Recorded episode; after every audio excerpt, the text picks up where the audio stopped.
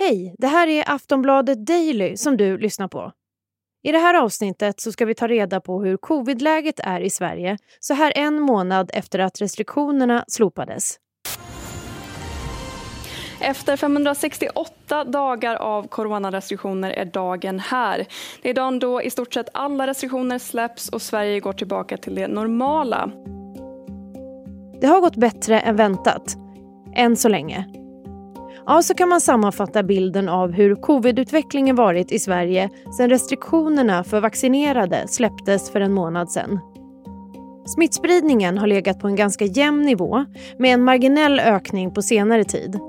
Men den raketen uppåt, som en del befarade, den uteblev.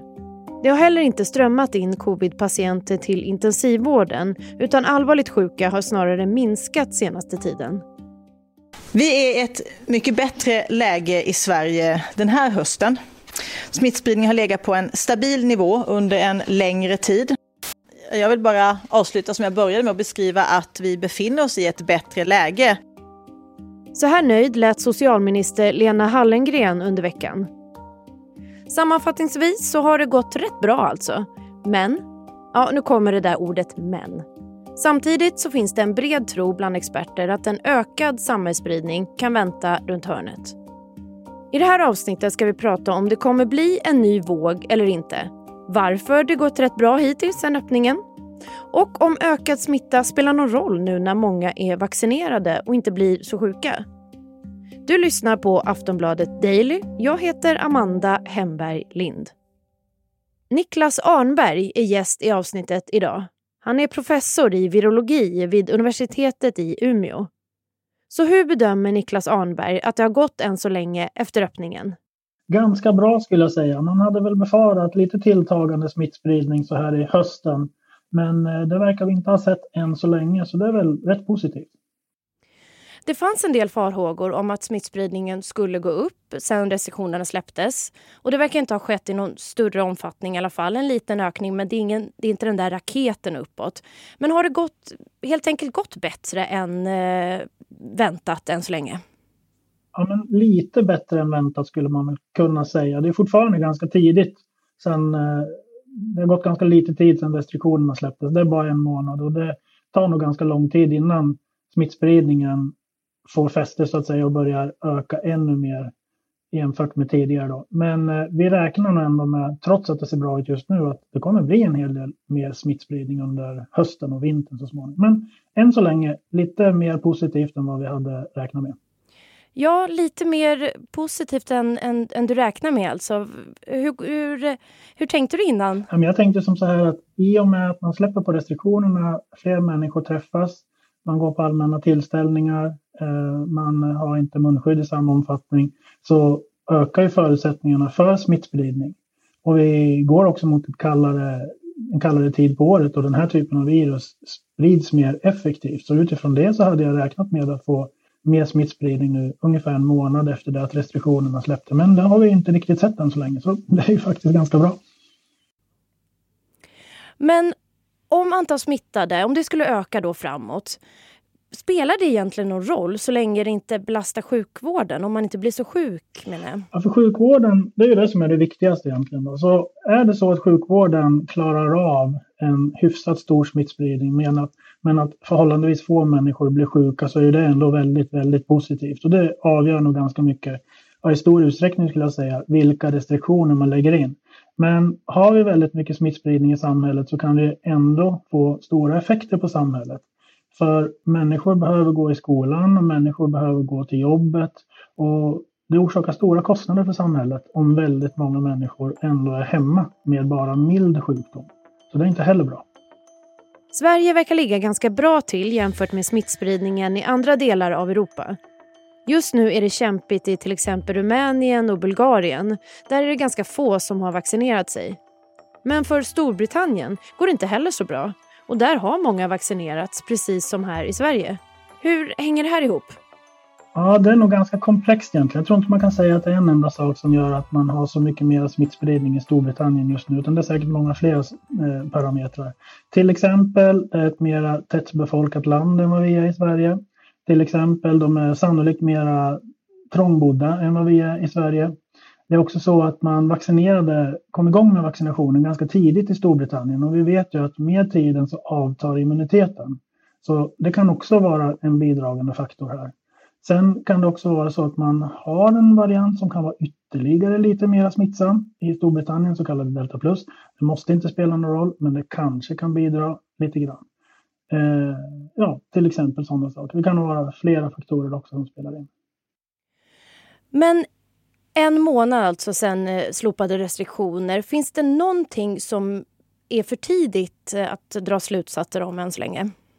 Mm, ja, det är fortfarande ganska tidigt att dra några slutsatser, men man kan väl ändå landa i slutsatsen att än så länge så verkar det inte ha varit ett dåligt beslut att öppna upp i Sverige. Med tanke på att vi har inte tilltagande smittspridning. Vi klarar situationen bra. Så givet hur läget är just nu så får man ju säga att det var ett bra beslut. Det blev klart häromdagen att alla som tagit två doser vaccin kommer att bli erbjudna en tredje dos i sinom tid. Hittills har det varit 80-plussare men i omgångar framåt så kommer fler grupper att få en påfyllnad av covidvaccin. Och det brukar sägas att det är vaccinationerna som är nyckeln till att komma ur pandemin. Så hur går det med det just nu? Vi ska höra virolog Niklas Arnberg igen. I Sverige så har det väl gått rätt bra. Bland de som är äldst har vi en väldigt hög vaccinationstäckning, 90-95 procent. Eh, bland de som är 20 till 40 år gamla så har vi lite sämre vaccinationstäckning och det är lite olyckligt. Där hade man verkligen velat se högre vaccinationstäckning. Eh, sen ser vi lite tilltagande vaccinering bland de som är barn och unga också. Då. De har inte haft chansen att vaccinera sig än på samma sätt som äldre har, men de kommer att vaccineras också i ganska stor utsträckning. Så jag är väldigt positiv till vaccinationstäckningen och utvecklingen här i Sverige. Vi har gjort det bra skulle jag säga. Däremot så är det väldigt oroväckande det som händer i Östeuropa, i Ryssland, eh, Ukraina, du var inne på Rumänien tror jag, Bulgarien, en del baltländer. De har inte alls kommit lika långt och de är i en jättedålig situation just nu jämfört med för ett år sedan till exempel. Då klarar de av den här situationen ganska bra på grund av att man inte hade en lika smittsam variant som vi har just nu. Men nu har man det. Då har man inte kommit lika långt i sin vaccinationstäckning. Så det bidrar till att en hel del länder kommer få det väldigt tufft i vinter. Men Sverige, ja vi har inte haft en fjärde våg än så länge. Men då är frågan nu framåt, är det en ny våg på väg eller inte? Ja, frågan är om man kan säga att det är våg eller inte, men vi har definitivt eh, stor risk att räkna med att det kommer bli tilltagande smittspridning på hela norra halvklotet. Det vet vi eftersom det här viruset sprids mer effektivt eh, när det är kallt ute och när det är torrt inne som det ju är på vintern. Så jämfört med situationen som vi har just nu så kommer vi nog få tilltagande smittspridning i många delar eh, på, på jord, stora delar på jorden. Hela norra halvklotet skulle jag säga. Sen är frågan hur vi kommer att klara av att hantera det. De länderna som har vaccinerat mycket kommer, klar, kommer klara av det mycket bra och de som har vaccinerat lite kommer klara av det mycket sämre. Du är inne på det, kylan det är på intågande och influensasäsongen. Vad har det för betydelse? Kan du utveckla lite? Mm. Den här typen av virus, både coronavirus, influensavirus, RS-virus, metapneumovirus, många andra virus som sprids eh, med antingen droppsmitta eller med luft, sprids mycket mer effektivt när det är kallt ute. Och det har att göra med att när vi andas ut de här partiklarna eller hostar ut droppar till exempel, eller nyser ut droppar. Är det kallt ute så blir de mycket mindre när de kommer ut och då kan de transporteras mycket längre i luften vilket innebär att de, man blir mer smittsam när det är vinter. Och det är också så att när det är kallt ute och torrt inomhus, då blir vår så kallade slemhinna mycket tunnare. Så den skyddar mycket mindre mot den här typen av smittämnen på vintern. Så vi räknar nog med att vi kommer att få en ganska tuff vinter. Eh, inte bara för coronavirus utan på grund av RS-virus, metapneum och influensa till exempel. Och det här har att göra med att vi var ju så himla bra på att hålla avstånd och följa råd och restriktioner förra vintern. Så då blev vi inte utsatta för den här typen av virus. Och det innebar också att den immunitet som vi brukar ha på populationsnivå mot den här typen av virus, den har liksom inte underhållits. Och alla de här nyfödda gulliga krabaterna som kom till oss här nu då förra vintern, de, de blev inte exponerade för RS-virus till exempel. Men nu blir de det när vi då släpper på restriktionerna. Och det ser man ju på barnsjukhus och barnmottagningar som är överfulla nästan med RS-virus infekterade barn. Så det, det i sig blir en tuff belastning på sjukvården. Men vad kommer bli avgörande då framåt för hur det kommer gå med smittspridningen? Ja, i länder som Sverige så skulle jag nog säga att vi kommer klara av det här rätt bra. Det vi kan oroa oss för möjligen då, det är att det kommer ytterligare någon ny variant som antingen är mer smittsam eller som vaccinerna inte skyddar mot lika bra. Det är en sak att hålla ögonen på här i länder som Sverige. I andra delar av, länder, äh, av världen där man då inte vaccinerat sig lika mycket, då måste man bara se till att få igång vaccineringen. Det kommer hjälpa dem i så fall. Det är väl en sak till.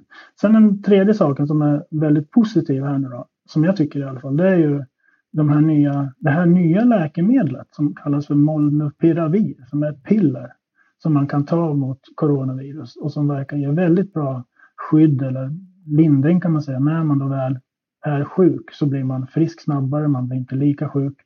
Eh, och det är något extremt positivt. Det är sånt som vi har pratat om även innan pandemin, om att vi skulle behöva många, många fler antivirala läkemedel typ antibiotika fast mot virus då, mot coronavirus och mot många andra virus också. Och nu har ju den här forskningen och satsningarna på den här forskningen kommit igång och vi börjar se lite resultat av det. Så nu ska vi bara ha lite mer läkemedel mot ytterligare andra virus också som RS-virus, metapneuma med flera. Då skulle vi klara av virusinfektioner generellt sett oerhört mycket bättre än vad vi gör idag. Du låter ganska positiv ändå framåt. Mm, när det gäller de här sakerna är jag positiv i alla fall. Vi har ju försökt att prata om behovet av antivirala läkemedel tidigare men inte fått så mycket gehör för det. Nu är det på gång och nu kommer vi förmodligen att se effekterna av det, och hur värdefulla de är. Så förhoppningsvis så kan det här ge den här typen av forskning också en skjuts framåt. Och den här typen av läkemedel behöver sjukvården enormt mycket. Inte bara mot coronavirus som orsakar pandemier utan även mot vanliga virus också. Så jag skulle nog säga att folkhälsan kan komma att förbättras väldigt mycket. Sjukvården kommer inte bli belastad lika mycket och vi kommer spara oerhört mycket pengar om vi får fram fler antivirala läkemedel. Tack så mycket för att du ville vara med. Tack själv. Det säger Niklas Arnberg, professor i virologi vid universitetet i Umeå. Jag heter Amanda Hemberg Lind och du har lyssnat på Aftonbladet Daily, vår dagliga nyhetspodd. Vi hörs snart igen. Hej då. Du har lyssnat på en podcast från Aftonbladet. Ansvarig utgivare är Lena K Samuelsson.